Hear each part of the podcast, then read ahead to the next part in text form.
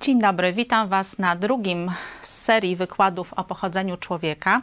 E, Dzisiaj będziemy się zastanawiać nad tym, jak się ma teoria ewolucji człowieka w świetle badań genetycznych.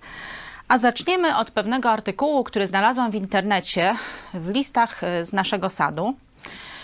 Jest to artykuł autorstwa profesora Jerego Coyna, e, ewolucjonisty, tego samego, który napisał książkę Ewolucja jest faktem.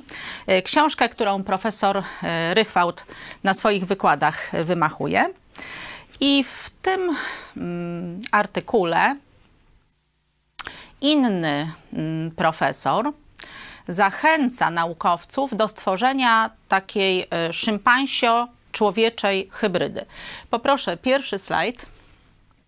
Artykuł ten pojawił się w listach z naszego sadu 20 marca 2018 roku i e, profesor, który zachęca naukowców, to David Barash. Y, Jest to emerytowany profesor Uniwersytetu Washington. I argumentuje on, że stworzenie takiej y, hybrydy, takiego właśnie człekopansa jest absolutnie możliwe. A to dlatego, że y, opierając się na teorii ewolucji, uważa, że przecież y, szympanse są naszymi najbliższymi krewnymi, od których dzieli nas tylko 6,5 miliona lat, a jeśli chodzi o ewolucyjną y, oś czasu, to naprawdę jak splunąć, więc dlaczego nie? I drugi argument, jaki podaje, jest taki, że genetycznie jesteśmy niemal identyczni. Według niego ta różnica genów między nami a szympansami y, to różnica tylko 1,25%. Ale najciekawsze jest, y, dlaczego mm, chciałby taką hybrydę, takiego szympoczłeka stworzyć. Otóż nawet nie z naukowej ciekawości, jakby takie coś wyglądało, jeśli w ogóle byłoby możliwe jego stworzenie, ale jak twierdzi dlatego, aby przekonać ludzi, że szympans i człowiek to nie są oddzielnie stworzone byty, ale że to jest wspólna część naszego wspólnego również z szympansami darwinowskiego ewolucyjnego drzewa życia. Profesor Coyne, czyli ten profesor, który jest e, autorem artykułu, polemizuje z nim, e, nie do końca się zgadza, chociaż e, zgadza się z nim, że jesteśmy z szympansami niemal identyczni genowo i ta identyczność jest e, w wysokości 99%.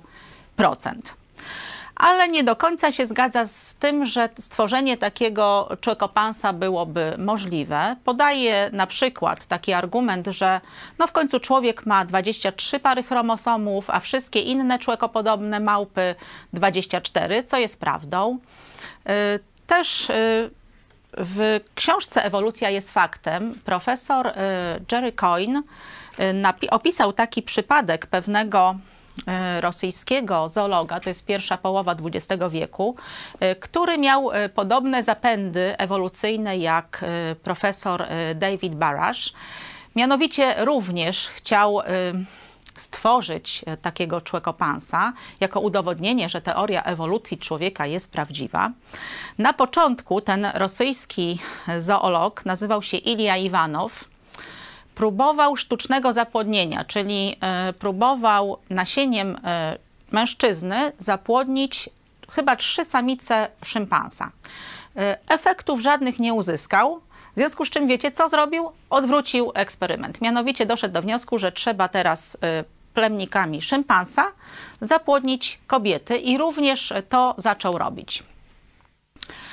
W tym momencie zes- został zesłany z innych zresztą względów y, do gułagu i potem już do tego eksperymentu nie wrócił. Y, No mogę powiedzieć, że na szczęście. Także profesor Coyne nie do końca zgadza się z Davidem Barashem. Yy, Nawet podkreśla, że mm, dawałoby to, gdyby w ogóle było możliwe, pewne problemy etyczne. I tutaj bardzo ciekawe w tym artykule jest, y, co y, powiedział y, profesor David Barash. Mi to szczerze mówiąc zmroziło krew w żyłach. Mianowicie ten profesor mm, zgodziłby się, że takie istoty, które uważa, że mm, dałoby się zrobić, że one żyłyby w pewnej, jak określił, biologicznej i społecznej nieokreśloności, czyli byłyby skazane tak naprawdę na piekło za życia, ale i tu dalej cytuję dosłownie jego wypowiedź. Można dyskutować, czy najwyższa korzyść nauczenia ludzi o ich prawdziwej naturze nie byłaby warta poświęcenia zapłaconego przez tych kilku nieszczęśników. Jednym słowem, David Barasz bardzo swobodnie szafuje nieszczęściem, nie swoim nieszczęściem, ale jest to też przykład, do czego może się człowiek posunąć e, przy zbyt natrętnej chęci udowadniania teorii ewolucji. A zatem, dlaczego w ogóle e, przytoczyłam ten artykuł? Otóż no oczywiście to, co twierdzi e, profesor David Barash jest e, bulwersujące, e, ale przytoczyłam to w świetle powiedzmy tego wykładu dotyczącego genetyki, dlatego że obaj profesorowie, profesor David Barash i profesor Jerry Coyne, twierdzą, że jesteśmy z szympansami niemal identyczni genowo i obaj podają, że ta różnica wynosi tylko 1,25%, jeśli chodzi o różnicę genomu naszego i szympansów. I y, do tego właśnie chciałabym się ustosunkować. Przy okazji ogólnie chciałam Wam też powiedzieć, że no, ani naukowcy o światopoglądzie ewolucyjnym, ani naukowcy o światopoglądzie kreacjonistycznym nie są w stanie cofnąć się y, w czasie i zobaczyć, jak to było z powstawaniem człowieka. Także opieramy się tylko na dowodach, jakie znajdujemy. Są to też dowody kopalne oraz na pewnych y, odkryciach naukowych, na pewnych badaniach naukowych, badaniach z dziedziny biologii molekularnej, y, badaniach z dziedziny genetyki, tak jak to jest dzisiaj. I chodzi tylko o to, żeby wyciągnąć z tego rozumne, w miarę bezstronne wnioski. A zatem, czy ludzie ewoluowali z małpopodobnych y, przodków? No więc ewolucjoniści, tak jak przytoczeni y, wcześniej przeze mnie David y, Barash i Jerry Coyne oraz wielu innych, twierdzą, że rzeczywiście to ludzkie i szympansie DNA jest niemal identyczne z podobieństwem od 98,5 do nawet 99%. Czyli między 98 powiedzmy a 99%. Chciałabym przy okazji powiedzieć, może poproszę następny slajd, że nie Wzięłam tego na temat wykładu, dlatego że taka różnica 98,4 powiedzmy procenta to byłby jakiś cios dla kreacjonistów. Nie jest to dla nas absolutnie żadnym problemem. Nawet gdyby ta różnica wynosiła y, tylko 1%, czyli zgodność wynosiłaby 99, to wcale nie jest to obalające dla teorii wspólnego projektanta, tak samo jak taka y, zgodność wcale nie jest poparciem dla teorii pochodzenia z wspólnego czy od wspólnego y, pierwotnego przodka. Jeśli y, polemizuję z tym, to dlatego, że są rzetelne genetyczne badania, które po prostu są dowodem na to, że ta wartość jest nieprawdziwa. Skąd się zatem wzięło to 98,4 czy 98,5%? Otóż wzięło się z pierwszych jeszcze takich dość prymitywnych y, badań porównawczych, które miały miejsce w 1975 roku. Y, te badania ewolucjoniści podchwycili i do dzisiaj Y, nimi cały czas szafują, zupełnie ignorując fakt, że genetyka przez te 50 lat też się rozwijała i nowe badania y, genetyczne, nowe badania naukowe y, absolutnie nie potwierdzają takiej zgodności między szympansem a człowiekiem. Już badania w 2005 roku stwierdziły, że różnica między nami a szympansami wynosi około 5%, a zatem zgodność już by była 95% a badania z 2015 i 2016 roku, między innymi prowadzone przez genetyka Jeffreya Tomkinsa, oceniły, że zgodność genowa między nami a szympansami to tylko 86-89%. Także tak jak wspomniałam, nawet gdyby to była taka, y, to nie jest to żaden y, problem dla kreacjonistów. To tak jak dla przykładu y, mamy wymyślony, stworzony przez człowieka mikser i blender. Sam fakt, że są do siebie podobne, że wykorzystują na przykład podobne rozwiązania, podobne silniki, nie świadczy, że mm, blender, y, nie wiem, ewoluował od miksera przez miliony lat albo na odwrót mikser od y, blendera. Także to nie jest żaden dowód obalający, tak samo jak nie jest to żaden dowód na to, że y, człowiek pochodzi od jakiegoś małpopodobnego przodka. Także obecne badania, e, badania e, potwierdzone, to jest jakieś 86, 88, 9% zgodności genowej między nami a e, szympansami. Są jeszcze inne badania, chociaż nie do końca potwierdzone, które były robione w laboratoriach, a Wyniki ich wskazywały na to, że ta różnica jest jeszcze większa, że zgodność oscyluje w granicach 70 kilku procent. Ale jak mówię, zostaniemy przy tych 86, 89, ponieważ to są badania rzetelne i już potwierdzone. Poproszę kolejny slajd. Tym niemniej y, w świecie mit tych 98,5% cały czas się utrzymuje. Przygotowując się do dzisiejszego wykładu, sprawdzałam wiele artykułów, wiele książek, podręczników, filmików y, ewolucyjnych i wszędzie pokutuje to stare badanie 98,5% zgodności genowej. Propagują je również y, różni propagandyści ewolucyjni, między innymi lokalny, w sensie lubelski, youtuber E, Dawid Myśliwiec, e, autor programu Naukowy Bełkot. Znaczy nie wiem, czy autor programu, ale na pewno prowadzący programu Naukowy Bełkot. W jednym ze swoich programów promujących teorię ewolucji, tytuł tego programu to Ewolucja, teoria prawdziwa. Na stronie, przepraszam, na, w minucie 6 i 50 sekundzie podaje właśnie tą starą informację, że zgodność między szympansem a człowiekiem, zgodność genowa wynosi 98,5%. Czyli pan Dawid Myśliwiec podaje bardzo stare e, badanie z 1975 roku, mając pretensje do e, bycia człowiekiem, który podaje informacje naukowe e, i mając no tak pretensje do tego, żeby rzeczywiście przedstawiać aktualną wiedzę na ten temat. Sprawdziłam sobie wykształcenie pana Dawida. E, ukończył on e, uczelnię wyższą, czyli Uniwersytet Marii Curie Skłodowskiej w Lublinie, e, Wydział Chemii.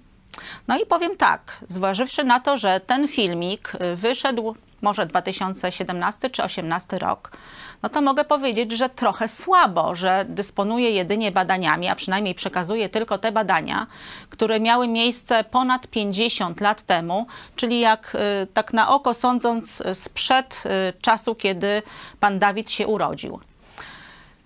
Nie podejrzewam, bo nie mam do tego podstaw, e, że pan Dawid e, nagina rzeczywistość i rozmyślnie podaje taki wynik. Także zakładam, że jest po prostu niedouczony i nie przygotował się, jeśli chodzi o e, wyniki badań genetycznych. No ale świadczy to też o tym, że mm, poziom naszego szkolnictwa wyższego jest, szczerze mówiąc, żenujący, dlatego że Badania genetyczne na temat ludzi i szympansów y, są nie to, że dostępne dla naukowców, czy dostępne dla ludzi, y, którzy, nie wiem, studiują na uczelniach. One są w tej chwili dostępne od ponad 10 lat dla każdego, kto zechce sobie poszukać w internecie nawet. Także y, pan Dawid Myśliwiec nie ma naprawdę nic na swoje usprawiedliwienie, że y, tak niedostateczną wiedzę przekazuje swoi, swoim, nie wiem, słuchaczom. No i przy okazji w takim razie mam taki challenge dla Dawida Myśliwca. Mianowicie zapraszamy go na film Genezis Raj Utracony. Będzie tam miał okazję e, zetknąć się z troszkę nowszymi badaniami e, naukowymi niż te, które e, promuje w swoich filmikach. Będzie miał też okazję wysłuchać wykładowców uniwersyteckich, mających troszkę większą wiedzę niż widocznie ta, którą dysponują wykładowcy na Uniwersytecie Y, Marii Curie Skłodowskiej w Lublinie. No i może jeszcze jeden challenge. Y, zapraszam również, gdyby miał ochotę, na debatę dotyczącą pochodzenia człowieka.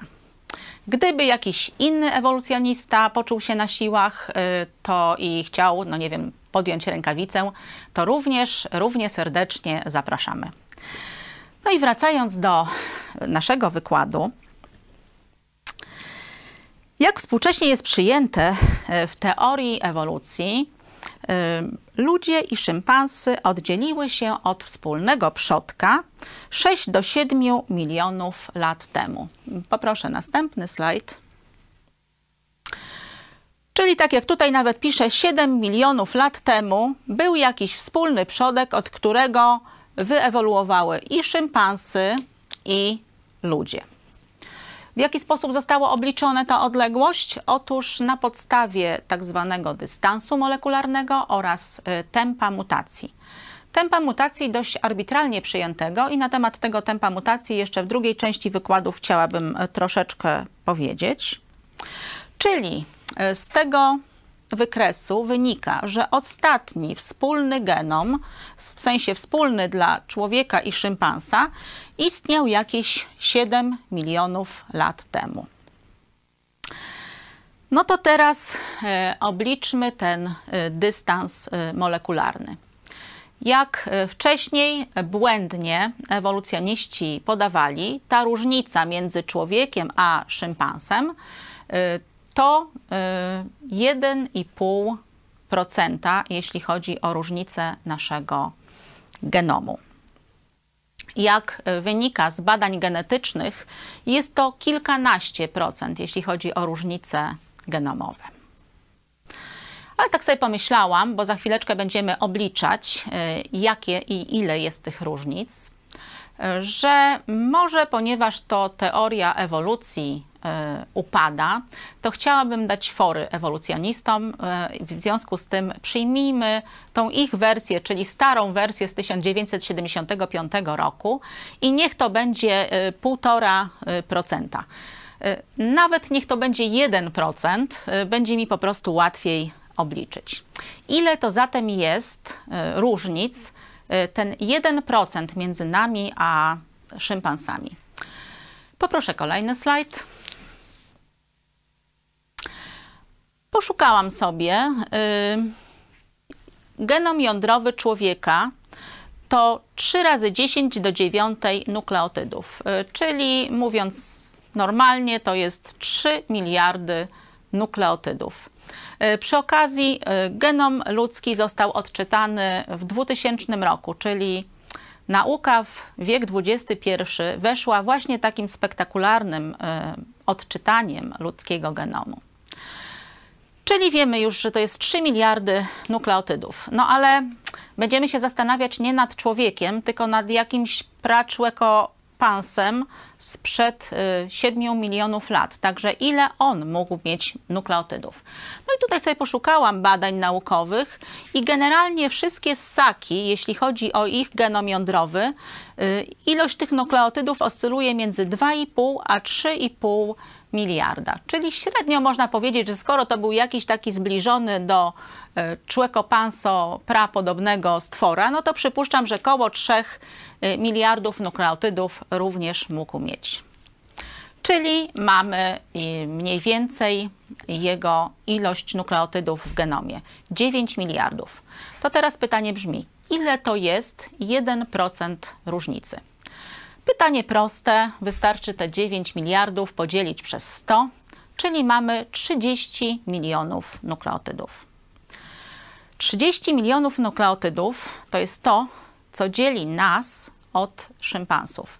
Czyli musiałoby powstać samych tylko mutacji punktowych, które musiały być korzystne, 9, yy, przepraszam, 30 milionów takich różnic w nukleotydach. No to teraz zastanówmy się nad drugim, drugą częścią problemu. Ile mamy na powstanie tych różnic czasu? Poproszę kolejny slajd. Jak już wspominaliśmy, mamy, i to jest obliczone przez y, naukowców, 7, 6 do 7 milionów lat, ale powiedzmy, że 7 milionów lat. Czyli te 30 milionów samych mutacji punktowych. A chciałam podkreślić, że mutacje punktowe to jest jeszcze nic, to jest tylko część zmian, którymi musiałby podlegać ten osobnik, żeby przekształcić się w człowieka.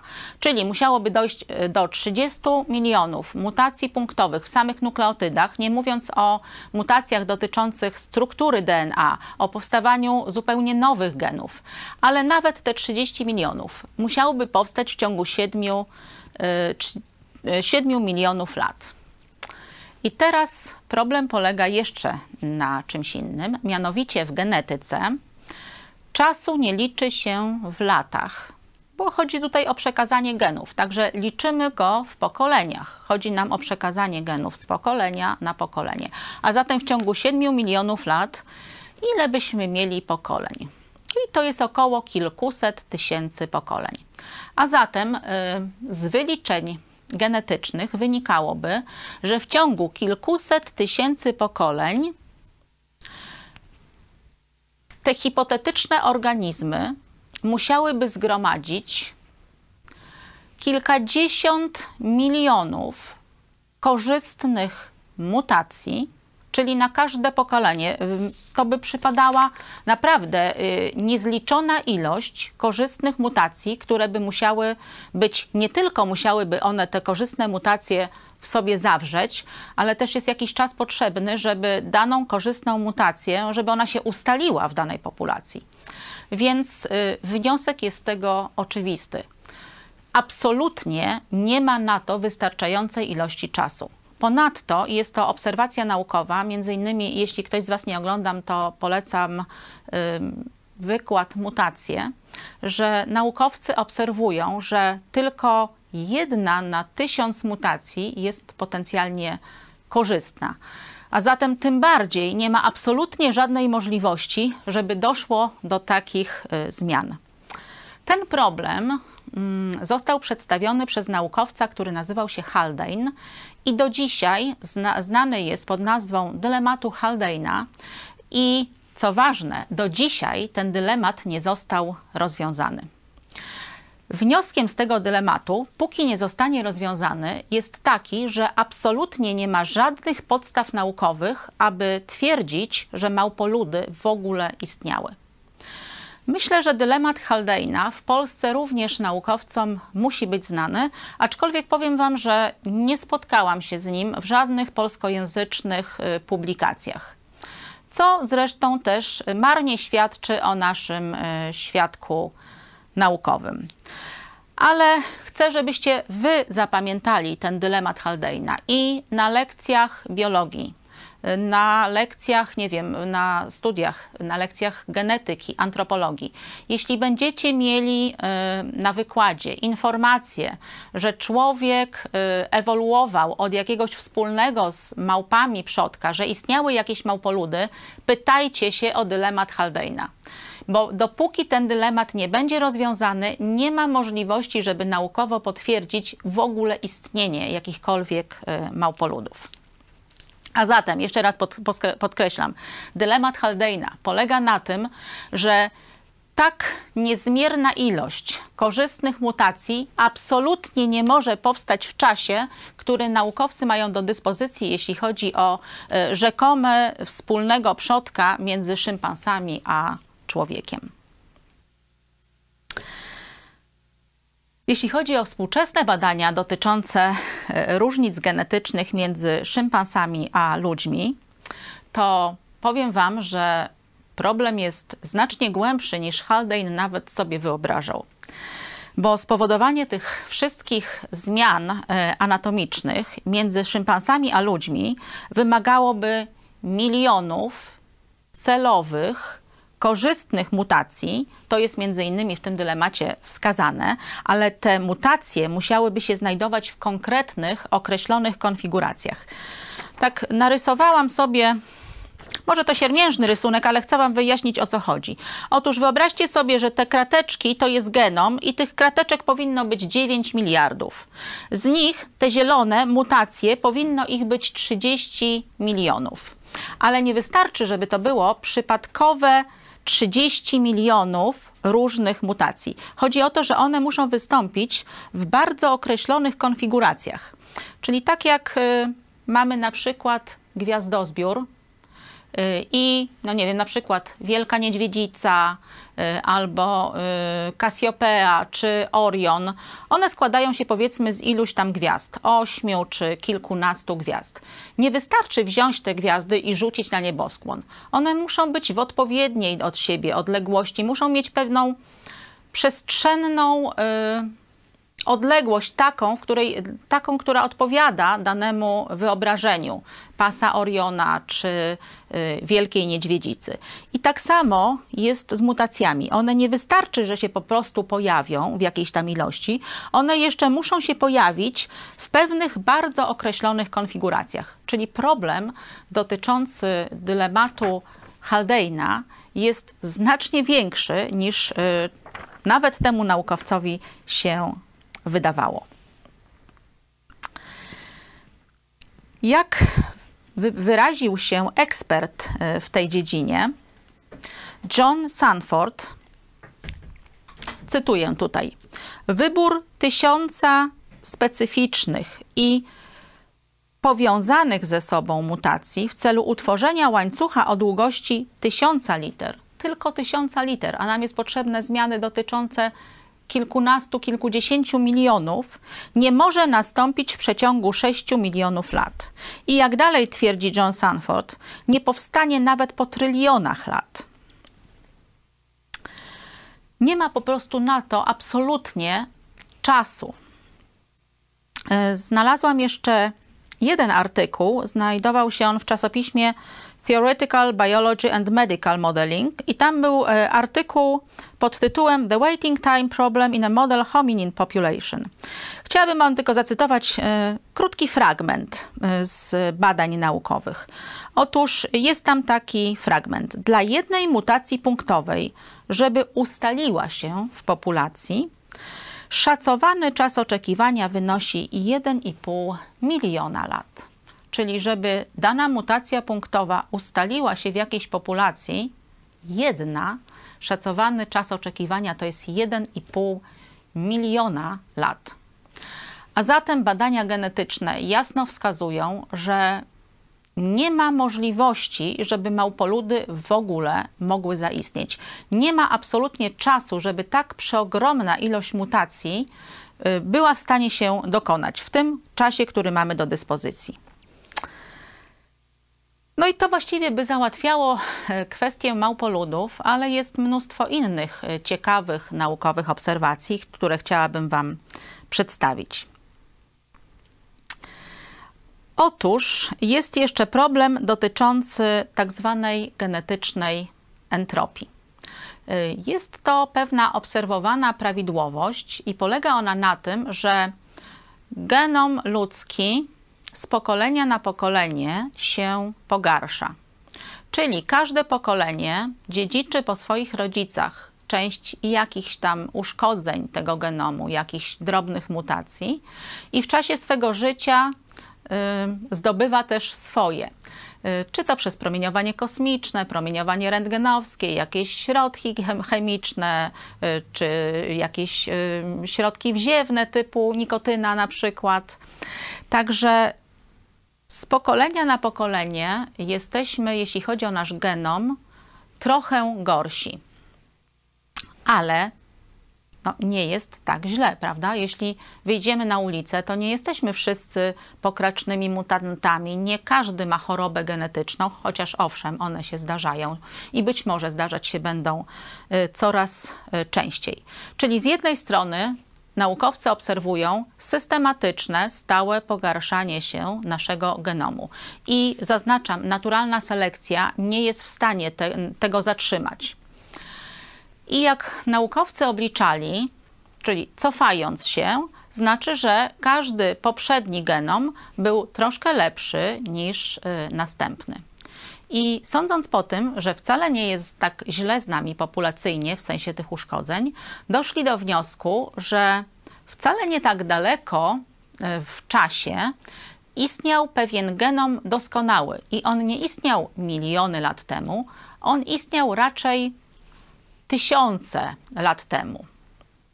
Co szczerze mówiąc nie bardzo pasuje do teorii ewolucji.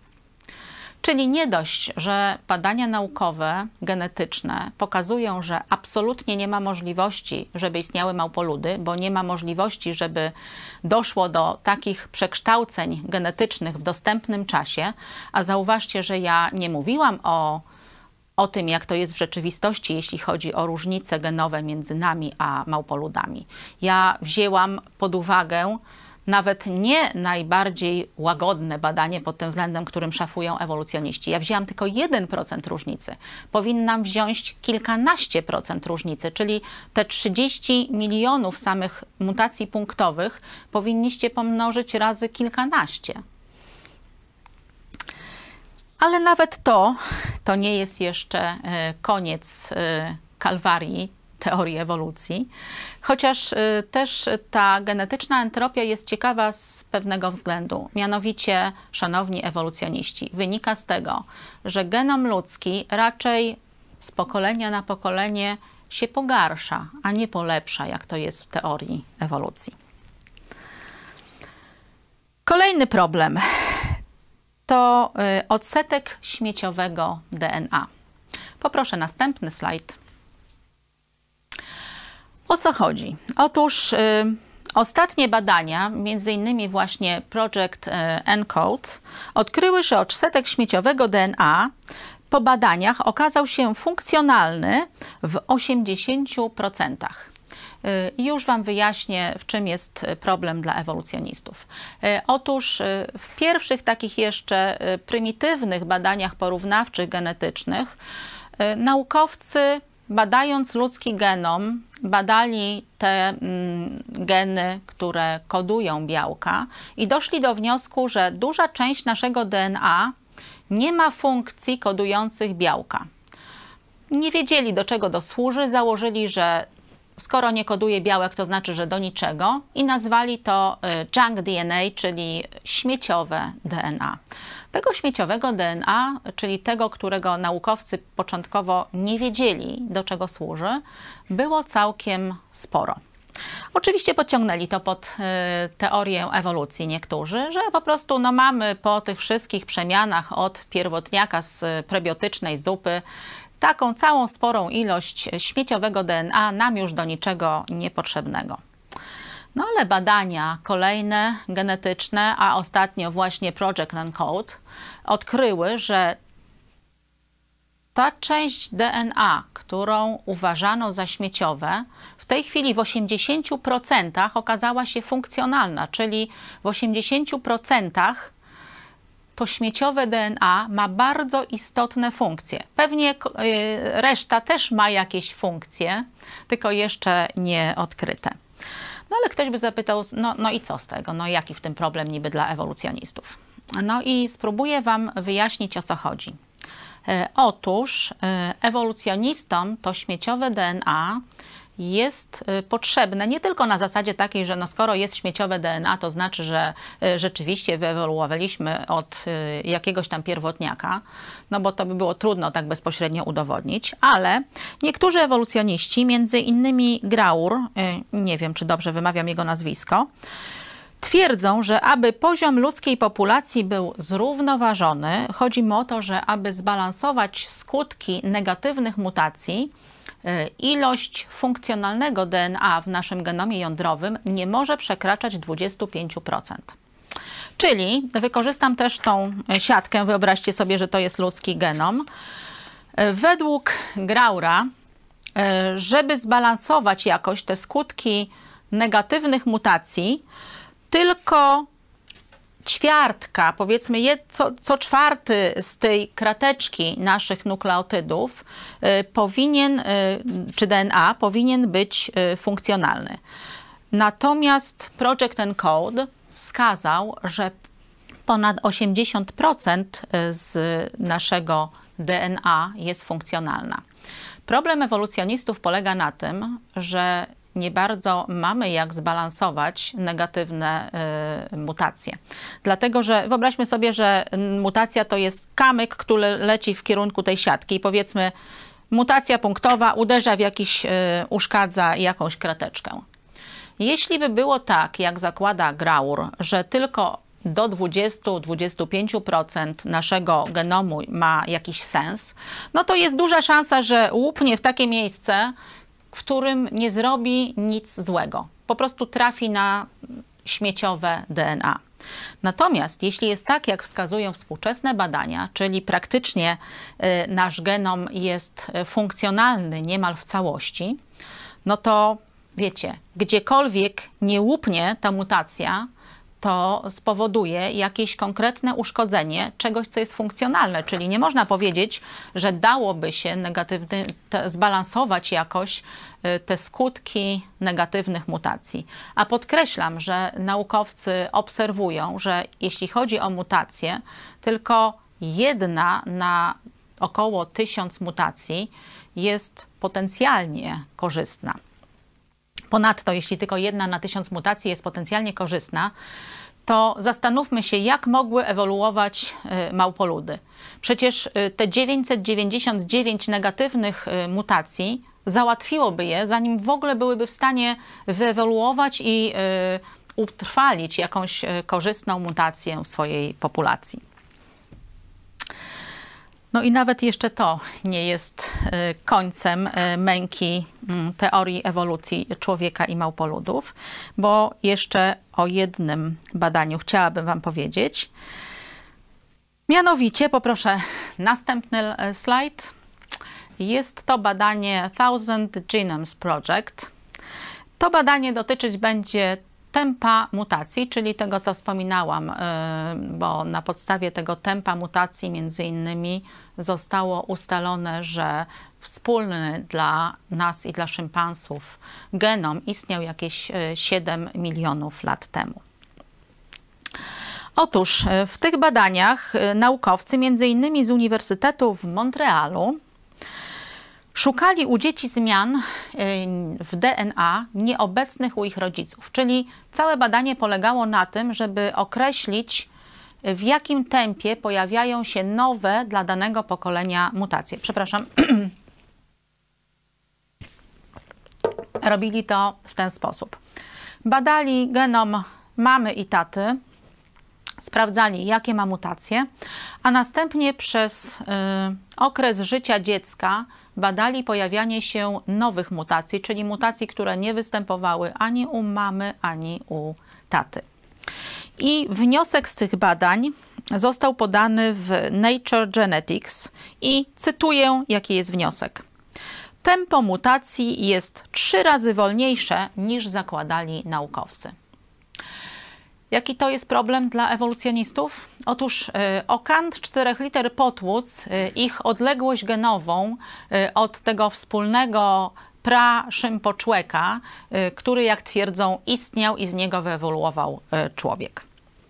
Te badania akurat dotyczące tempa mutacji są słabo nagłośnione w Polsce, ale jak e, dalej podawało Nature Genetics, e, cytuję: Jeśli badania zostaną niezależnie potwierdzone, trzeba będzie przewartościować cały sposób myślenia o ewolucji. E, zacytowałam wam to, ponieważ bardzo mi się podobało to zakończenie. Trzeba będzie przewartościować cały sposób myślenia o ewolucji.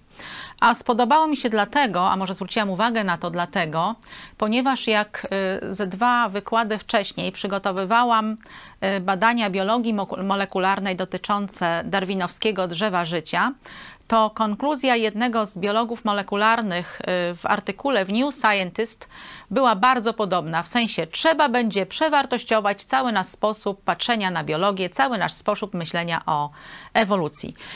Jednym słowem, czy to dotyczy małpoludów, czy to dotyczy darwinowskiego drzewożycia, nawet jeśli dotyczyło, y, jeśli dotyczy to jakichś takich y, dywagacji dotyczących e, teorii wielkiego wybuchu, bardzo często, jeśli mm, naukowcy opierają się na jakichś rzetelnych badaniach naukowych, dochodzą do wniosku, że trzeba będzie przewartościować cały sposób myślenia o teorii ewolucji. Po prostu jak e, patrzymy na badania i porównujemy je z teorią ewolucji, dochodzimy do wniosku, że ta teoria po prostu nie pasuje do rzetelnych badań naukowych. Od co? I tym bardziej e, smutne jest, że we wszelkich e, podręcznikach szkolnych, e, podręcznikach akademickich, wy czy wasze dzieci uczycie się, poproszę następny slajd, że człowiek jest małpą człekokształtną, wąskonosą. Jest jednym z tego zbioru organizmów. Tu macie nadrodzina małpy człekokształtne, człowiekowate, cztery gatunki, czyli należymy do małp do gatunku człowiekowatych. Jest to przedstawiane od klas, nie wiem, y, teraz gimnazjów nie ma, to powiedzmy od klas y, licealnych. Nie wiem, czy y, przedstawia się to w podstawówce.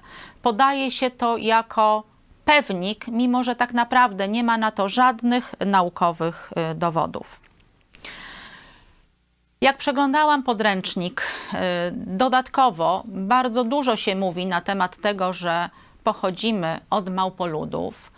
Y, dużo się też mówi o cechach wspólnych y, ludzi i mm, małp człekokształtnych. Poproszę kolejny slajd. Czasami są całe strony w podręcznikach, które y, pokazują tabelki i są podobieństwa między powiedzmy szympansem a człowiekiem. I absolutnie mi nie chodzi o to, że te informacje są nieprawdziwe. One są prawdziwe. One mówią, że y, nie wiem, mamy chwytne kończyny, my i szympans. Y, mamy linie papilarne, oczywiście. I szympans i człowiek ma paznokcie. I szympans i człowiek jest w stanie wziąć kija i sobie nim pomachać. Oczywiście, że tak. Tylko, że y, przedstawianie tylko tych podobieństw, a skupianie się naprawdę w niewielkim stopniu na ogromnej ilości różnic y, i jeszcze włożone w tą mantrę pochodzenia człowieka y, od pierwszego pra powiedzmy pra-małpo, szympo człeka, sprawia wrażenie, że to wszystko rzeczywiście ma sens, a tak naprawdę żadnego naukowego sensu w tym nie ma. Dla przykładu, ja bym mogła na przykład y, obok siebie postawić y, źdźbło trawy. I też znalazłabym jakieś podobieństwa. Na pewno e, iźdźbło trawy i ja jestem zbudowana z komórek. E, z takich, no może trudniejszych, źdźbło trawy ma chlorofil, ja mam hemoglobinę, które są bardzo, identy- znaczy nie identyczne, ale bardzo podobne do siebie, jeśli chodzi o budowę chemiczną. Ale to przecież nie znaczy, że ja ewoluowałam z trawy, albo że trawa jest moim najbliższym kuzynem. Przy okazji pozdrawiam mojego najbliższego kuzyna Tadeusza. Także reasumując, ewolucja czy teoria ewolucji absolutnie nie jest w stanie mm, wyjaśnić, w jaki sposób przybyła informacja, która jakoby była zdolna do przekształcenia małpoluda y, w człowieka. A w związku z tym cała indoktrynacja y, ewolucjonizmem, zwłaszcza w szkołach, y, niejako zmuszanie nas do zaakceptowania tej ideologii, zmuszanie Was czy Waszych dzieci do zaakceptowania tej e, ideologii, e, zwłaszcza w tych e, młodszych klasach, gdzie człowiek jeszcze nie jest nauczony krytycznego myślenia i to rzeczywiście te obrazy, te porównania zostają mu potem jest raz, jest nieuczciwe, a dwa zakrawa na naprawdę szczególną ironię w czasach, gdzie tyle badań biologicznych, tyle badań genetycznych zdecydowanie przemawia za stworzeniem, a nie za ewolucją. I na e, sam koniec e, chciałam Wam przedstawić pewną ciekawostkę. Otóż e, w ostatnich czasach ewolucjoniści chyba trochę się niepokoją wzrastającą popularnością poglądów kreacjonistycznych. I widać tam pewien ruch w sensie no, wymyślania niektórych dowodów y, na teorię ewolucji, niektóre naprawdę głupie, jak choćby to, co zaproponował w tym artykule, który Wam na początku przeczytałam, y, David y, Barash ale też idą w inną taką t-shirtową propagandę. Poproszę kolejny slajd. Oczywiście y, nie mam nic przeciwko temu, możecie sobie kupować i nosić t-shirty, jakie chcecie. Chciałam tylko zwrócić Waszą uwagę, y, tutaj y, jest koszulka z małpoludami i napisem nie wstydzę się ewolucji. No, powiem tak, no, jeśli się nie wstydzisz, to powinieneś, bo to jest absolutnie nienaukowe. Dziękuję Wam za wysłuchanie dzisiejszego wykładu. E, przed e, Bożym Narodzeniem e, będę mówiła taki wykład bardziej związany z Biblią i z sześcioma dniami stworzenia. Na ten wykład chciałabym zaprosić, a jeśli Wy możecie, to też zaprosić możecie ateistów i teistycznych ewolucjonistów. Porozmawiamy sobie, czy rzeczywiście stwarzanie świata mogło zająć 6 dni, czy miliardy lat. Dziękuję Wam bardzo za uwagę. Do zobaczenia.